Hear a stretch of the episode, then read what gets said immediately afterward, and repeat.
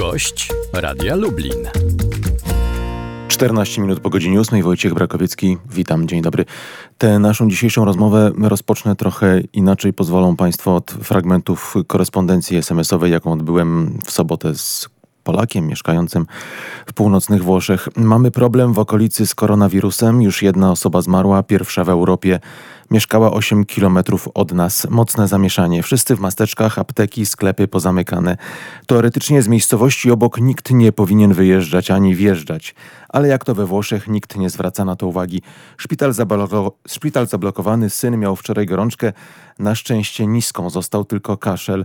Czy przed tym uda się uchronić? Raczej trudno.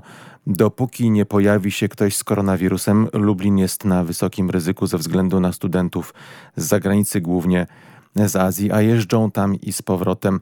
Tak też dotarł i tutaj na wieś. Dziadzio, co zmarł, grywał z Chińczykami w karty w barze. Wszyscy myśleli, że jak się rozpocznie to w dużym mieście, tymczasem w małej miejscowości 3000 mieszkańców. Do Polskiego Radia Lublin przyszedł gość, profesor Krzysztof Tomasiewicz, kierownik Katedry i Kliniki Chorób Wewnętrznych. Dzień dobry, panie profesorze. Dzień dobry, chorób zakaźnych. Y, chorób zakaźnych, przepraszam, rzecz jasna.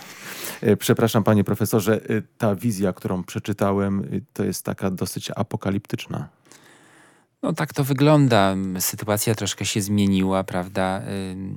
Postrzeganie tego, co się dzieje w północnych Włoch, Włoszech, to jest dla nas też pewna lekcja y, tego, co się, co się może wydarzyć, ale, ale podkreślam w dalszym ciągu, że mówimy o ogniskach zakażenia, o ogniskach zachorowania. Także no, tak jak do tej pory mówiliśmy o tym, że jest, że jest to e, głównie są to Chiny, tak w tej chwili no, mamy pewne, pewien region we Włoszech, który jest, który jest objęty e, tymi zakażeniami.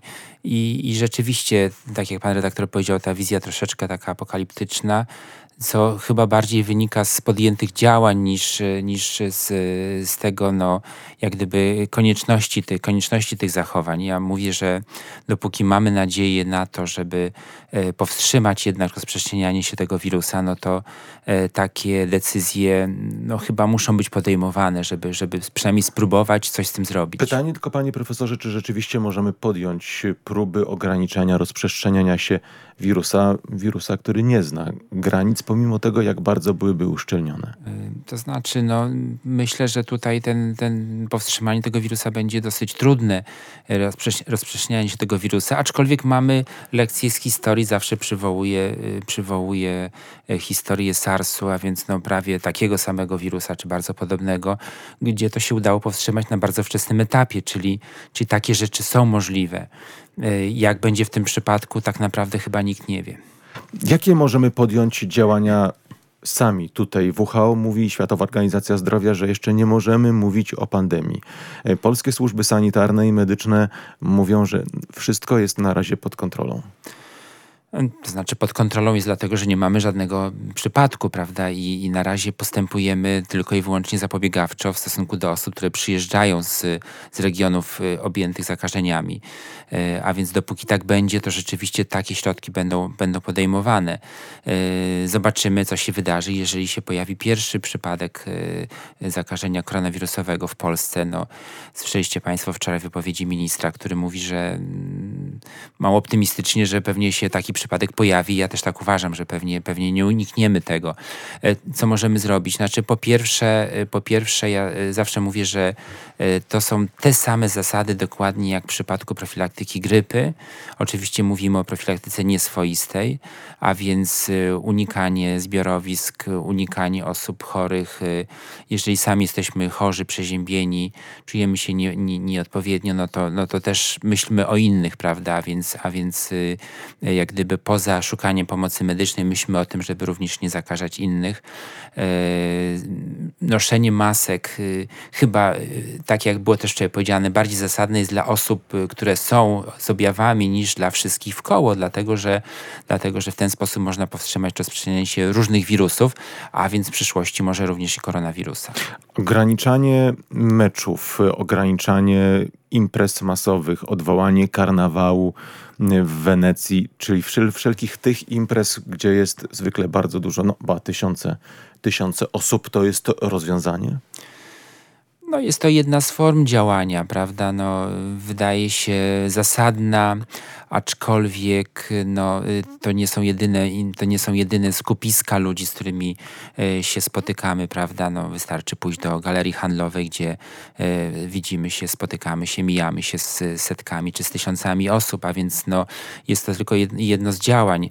Czy właściwe? No, wydaje się, że na tym etapie tak, dlatego że, że jak gdyby no, pozwala, pozwala chronić osoby przed, przed kontaktem z potencjalnie zakażonymi innymi osobami. A ja wrócę do tej wizji apokaliptycznej, a może to jest tak, tak panie profesorze, że ona właściwie już się spełnia, bo wiemy tylko o, o znikomej części przypadków, które zostały wykryte i zdiagnozowane. Na pewno tak jest, że, że y, to wszystko to jest jakiś, no nie chcę użyć słowa wierzchołek góry lodowej, ale, ale na pewno nie wszystkie zakażenia są, są rejestrowane i takie przykłady mamy z wielu krajów. Y, bo słyszymy głównie o przypadkach śmiertelnych i przypadkach zarejestrowanych, natomiast nie ma takiej możliwości, żeby to były jedyne zakażenia, o jakie, jak, jakie w danym terenie, w danym terenie występują. E, także, e, także no... Y, Czyli nie możemy tych przypadków traktować jako pojedyncze?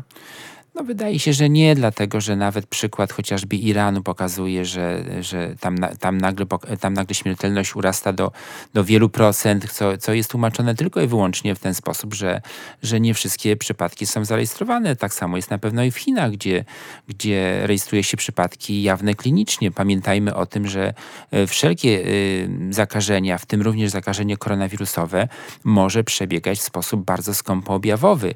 I tu jest cały problem, bo jeżeli jeżeli mamy ewidentnie zespół niewydolności oddechowej, zapalenie płuc, to myślimy o tym koronawirusie. Natomiast jeżeli mamy jakiś stan gorączkowy czy podgorączkowy, objawy e, kataralne, nieżytowe, to, to, to myślimy o zwykłym przeziębieniu. Gdzieś pewnie wśród tych różnych przypadków mog, mo, mogą się kryć, o czym nie mówię o naszym kraju w tym momencie, tylko o tych, e, o tych regionach, gdzie są zakażenia.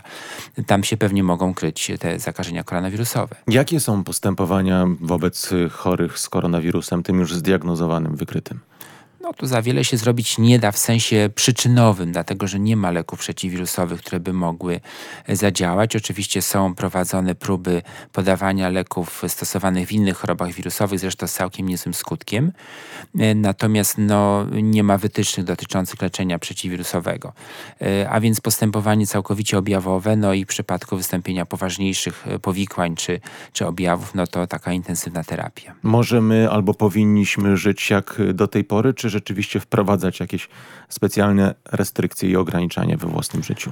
Y, wydaje się, że powinniśmy żyć w miarę normalnie, natomiast tak jak wspomniałem, y, mamy sezon grypowy, a więc przyjmijmy sobie zasadę chronię się przed grypą, a jeżeli będziemy takie zasady przestrzega, takich zasad przestrzegali, to również w pewnym sensie ochronimy się przed ewentualnym zakażeniem koronawirusowym. Szczepionki na koronawirusa jeszcze nie ma.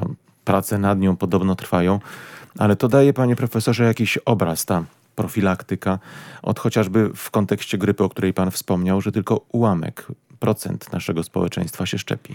No więc właśnie, bo my cały czas płaczemy, że nie mamy szczepionki, ale proszę zwrócić uwagę, że mamy szczepionkę, skuteczną szczepionkę przeciwko grypie, a z tego co, co wiem, no to odsetek osób zaszczepionych to jest tam kilka procent, słyszałem o 3 czy 5 procentach, a więc no, yy, nawet jak mamy już te metody, to wtedy nie zawsze one są wykorzystywane. Także zobaczymy, jak będzie to jak będzie w przypadku zakażenia koronawirusowego.